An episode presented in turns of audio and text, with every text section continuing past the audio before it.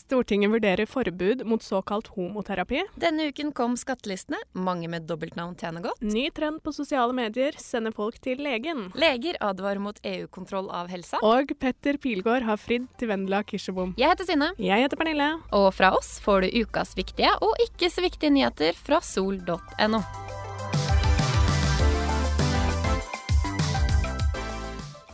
Vi er kommet oss til uke 45. Det begynner å bli bitende kaldt når man går til jobb om morgenen. Og ja, litt vanskeligere å stå opp om eh, morgenen også, er det ikke det, Pernille? Ja, dyna frister eh, litt ekstra nå å bare bli bliende under den eh, når det er såpass kaldt, altså. Ja, det er grusomt. Og det er ganske mørkt ute også. Men vi kommer oss på jobb fordi vi syns det er veldig gøy å jobbe med nyheter. Og vi syns også det er veldig gøy å jobbe med podkast. Og denne uka er jo ikke noe kjedeligere, vil jeg si. Nei, det har skjedd ting denne uken også, som alle andre uker. Vi kan jo begynne med den saken som har skapt flest debatter denne uken. Det er eh, homoterapi. Eh, Morten Hegseth i VG har lagd en dokumentar eh, i forbindelse med at det i desember skal stemmes på Stortinget over forslag om at homoterapi skal bli forbudt i Norge. Ja, Enkelt forklart da, så går det ut på at uh, homofile blir forsøkt reparert, på en måte, av sine menigheter, ledere eller familie. Eh, disse terapeutene er veldig sikre i sin sak og tror virkelig på det de driver med. Eh, og gjør det jo da etter egen tolkning av Bibelen. Har du sett dokumentaren, du? Har ikke sett dokumentaren. Jeg har fulgt med på sakene som har blitt lagd i forbindelse med det, og jeg er ganske sjokka, egentlig. Ja, Eh, jeg så jo dokumentaren i går. Jeg er først og fremst overraska over at dette er lov i Norge. Eh, det mener jeg at Morten Hegseth også sa noe om. At eh, Ja, han gikk vel inn med den innstillingen med at ja, men det her skjer ikke her. Ja, han trodde vel det var kødd eller noe sånt. Ja. Jeg er dypt imponert over programlederen her, altså. Han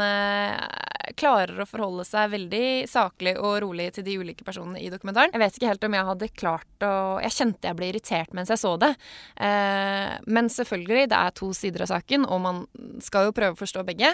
Eh, og det forsøkte jeg virkelig når jeg så den selv. Ja, for det er jo litt sånn at vi kan sitte her og bare Det her er galskap, og vi ville ikke akseptert det, men det her er virkelig noen sine meninger. De mener virkelig at de kan vende eh, en person sin legning, selv om det virker helt fjernt for meg og deg, kanskje, så, så er det her oppriktig noe de tror på. Det er åtte åtte stortingsrepresentanter fra Arbeiderpartiet som står bak det her forslaget som vil bedre rettighetene for lesbiske, homofile, bifile, transpersoner og interkjønnpersoner. Og et av disse forslagene er jo å forby eh, det såkalte homoterapien. Mm. Min umiddelbare tanke, eller mening, da, hvis jeg kan få lov til å si den, er jo at i denne sammenhengen mener jeg virkelig loven bør gå foran Bibelen. Og så tenker jeg at hvis du sitter inne med den med meningen at uh, homofili like er greit. Så eh, at det skal gå utover andre, det er der jeg syns det blir feil. da. Og flere av eh, de som var med i denne dokumentaren, sier jo at eh, dersom ikke homoterapi, eller såkalte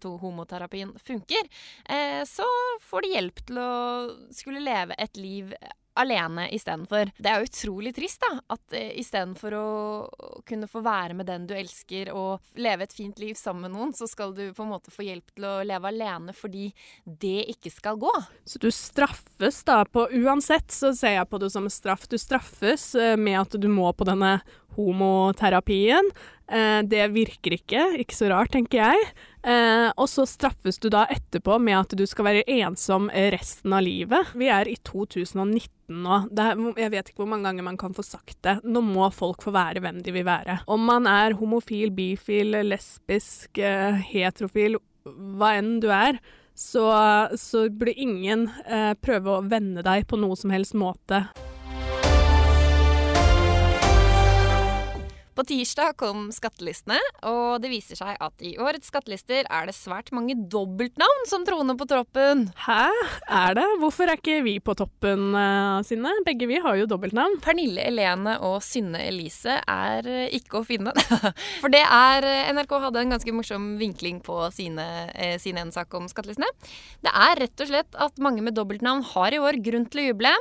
de dominerer både topplisten over snittinntekt og medianinntekt. Ivar Utne navneforsker ved Universitetet i Bergen, sier til NRK at eh, det ikke er så rart, for 70 eller 80% av lista har doble navn, og det er pga. Alder. Og det var fordi at eh, på 1950-tallet så var det veldig populært med doble navn.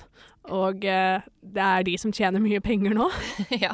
Det som er veldig gøy, er at eh, jeg nesten forbinder mitt dobbeltnavn med noe negativt. Jeg føler at mitt dobbeltnavn, det ble brukt i sammenhenger hvor det var Da hadde jeg gjort noe gærent. Samme her. Det er liksom jeg hører mamma eller pappa eller læreren sier 'Pernille Elene', da er jeg i trøbbel. Ja ja, da var, du, da var det Hvorfor har ikke du støvsugd ennå? Det var sånn type greier. Det som er morsomt, er at i tillegg til dobbeltnavnene, så har navneforskeren funnet ut at eh, folk som begynner med C og W, er også blant eh, navnene i toppen. Så Carl, Werner, eh, Kristen osv. har tjent godt i år. Han høres jo rik ut, Carl Werner. Men eh, skattelister er jo alltid spennende. Har du eh, søkt opp noen, Pernille? Eh, jeg har ikke gjort det, og det er rett og slett fordi jeg ikke tør. Jeg er så redd for at noen skal finne ut at jeg har søkt opp dem, så jeg er veldig nysgjerrig. Jeg skulle gjerne ha funnet ut hva naboen tjener, men jeg tør rett og slett ikke. Nei, ikke heller. Jeg eh, vil ikke at de skal se at jeg er en som snoker i privatliv. Og heller vil jeg ikke at de skal snoke i mitt. Ok, den neste saken her, den måtte jeg slå meg litt i huet av. Det er altså en bisarr trend som sprer seg i sosiale medier med en uh, tyggeball, eller hva skal man kalle det? Uh, I så fall så er det en ball uh, menn har i i munnen eh, for å styrke kjevepartiet, for nå er greia at man skal ha en kraftig kjeve. Ja, eh, det er blitt trendy. Det er eh, Kroppspress rammer ikke bare jenter, og dette Jeg syns jo det bare er trist. Eh, det, jeg måtte liksom le når jeg leser at eh, det liksom strømmer gutter til til legen fordi de har drevet med tyggeball for å få en større kjeve. Det er jo Sykt!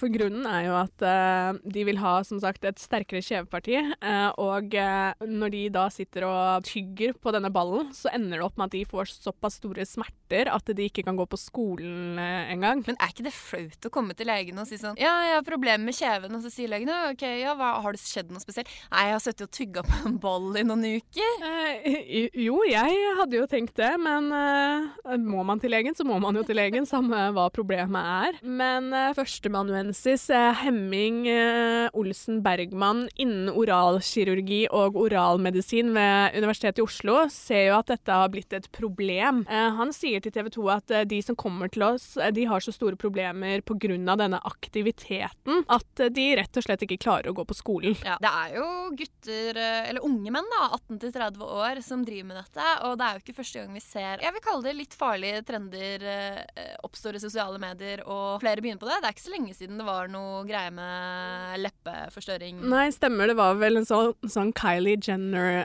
hva skal man kalle det? Challenge, var det. Eh, hvor man tok en slags, jeg vet ikke hva det var, en sugekopp av noe slag på leppene sine for å blåse de opp. Eh, den gikk jo kanskje litt mer på jenter, denne gangen er det gutter det treffer. Men man ser jo at disse trendene eh, skaper eh, altså usikkerhet da, blant, eh, blant unge. Ja, og jeg tenker jo det er så mange flotte unge gutter der ute. Dere trenger ikke mer markant kjeve. Nei, vi, altså om, om det er for å imponere jenter eller andre gutter eller hva det er, så, så er det nok ikke så mange som tenker over kjevepartiet, altså. Altså, personligheten er det viktigste. Leger advarer mot eh, EU-kontroll av helsa. Stadig flere friske mennesker går til legen kun for å sjekke om de er syke. Føler du deg truffet, Pernille? Ikke så veldig på at man går til legen. Jeg er litt mer sånn Jeg googler. Lommelegen er min venn. Så jeg kjenner meg bitte litt igjen, men ikke at jeg drar til legen, faktisk. Nei, fordi en ny studie viser at det å sjekke seg for mye eh, kan gjøre mer skade enn man tror. Jeg er også litt på doktor Google-kjøret, men har en viss sånn tendens til å dra ned til lege litt. Kanskje litt for ofte. Jeg skjønner at man gjør det om man er et ekstra bekymra menneske og sånne ting. Eh, og så tenker jeg litt sånn derre Ja, de viser Nei, forskning.no sier at eh, man ikke trenger å gå til legen om du er frisk. Men det er jo derfor man drar dit, fordi du vet ikke om du er frisk. Og i, i, hvis du er som meg, så tror du, er du alltid worst case scenario. Du tror jo alltid at den lille kuren i armen er liksom det verste tenkelige, eh, og vil få sjekka deg opp. Eh, men jeg skjønner jo at eh, personer som er helt friske, ikke skal løpe ned eh, døra på legekontoret. Og det er så mange andre som trenger legen kanskje mer da, enn de som bare skal sjekke fordi de vil ha en sjekk, på en måte. Men uh, ifølge forskning.no så er det altså ingen studier som viser at sånne helsesjekker da, som uh, du snakker om, faktisk har noe effekt. Man kan selvfølgelig ved tilfeldigheter oppdage sykdommer ved en sånn kontroll, men utover det så, så skal det visstnok ikke da ha noe effekt. Nei, så hvis du er en person som bare drar til legen for å få en bekreftelse på at du er frisk, og ikke kjenner deg noe som helst dårlig, så kan du vente. Er det det de mener? Ja, det er det de mener. Uh, men det er viktig å ha med at dette ikke må forveksles uh, med sånne konkrete screeninger eller uh, generelle kontroller for, som du f.eks. blir kalt inn på, sånn som vi som blir kalt inn på livmorhalskreft. Mammografi, alle disse ja. Så de må man fortsatt møte opp på som innkalt. Lege Tuva Hertzberg, som NRK har snakket med, tror jo mye av årsaken til at folk drar for mye til legen, er at vi er generelt veldig mye mer opptatt av helse i dag enn det vi har vært før. Men hun sier jo da at hvis, du, hvis det kun er for å ta en sånn sjekke om du er frisk eh, opplegg, så da kan man jo vente. Eh, men det er ikke alltid kanskje deg sjæl som er bekymra for helsa mest? Nei, uh, Marte Kvittum Tangen, som er leder for Norsk forening for allmennmedisin, sier til forskning.no at uh, det ofte er kona som er, er, bekymret og har sendt ektemannen til legen fordi han så sjeldent er der og derfor burde sjekke seg. Så hvis du har en litt masete kone som driver og sender deg til legen, så kan du si at nei. Forskning sier at uh, det trenger jeg ikke gjøre. Ja. Vi kan ta det litt eh, roligere med å dra til legen bare for å sjekke om helsa er i god stand. Petter Pilgaard og eh, Vendela Kishimom har forlova seg. Det, er jo, det må man jo bare gratulere. Petter gikk ned på kne i Sør-Afrika og fikk sitt ja fra Vendela. Jeg eh, fikk en push fra Dagbladet i går kveld hvor det står 'Petter frir til eh, Vendela', og jeg ble umiddelbart sånn nysgjerrig og måtte trykke meg inn, for jeg trodde det her var livesendt. Jeg trodde Dagbladet streamet frieri, så jeg var rett på, men det, det gjorde de altså ikke. Men de er forlova, det er de, og det syns jeg er veldig gøy. Eh, eller det må være veldig morsomt for dem å tenke nå at eh, alle som trodde dette var et PR-stunt i starten, blir jo sånn Hæ?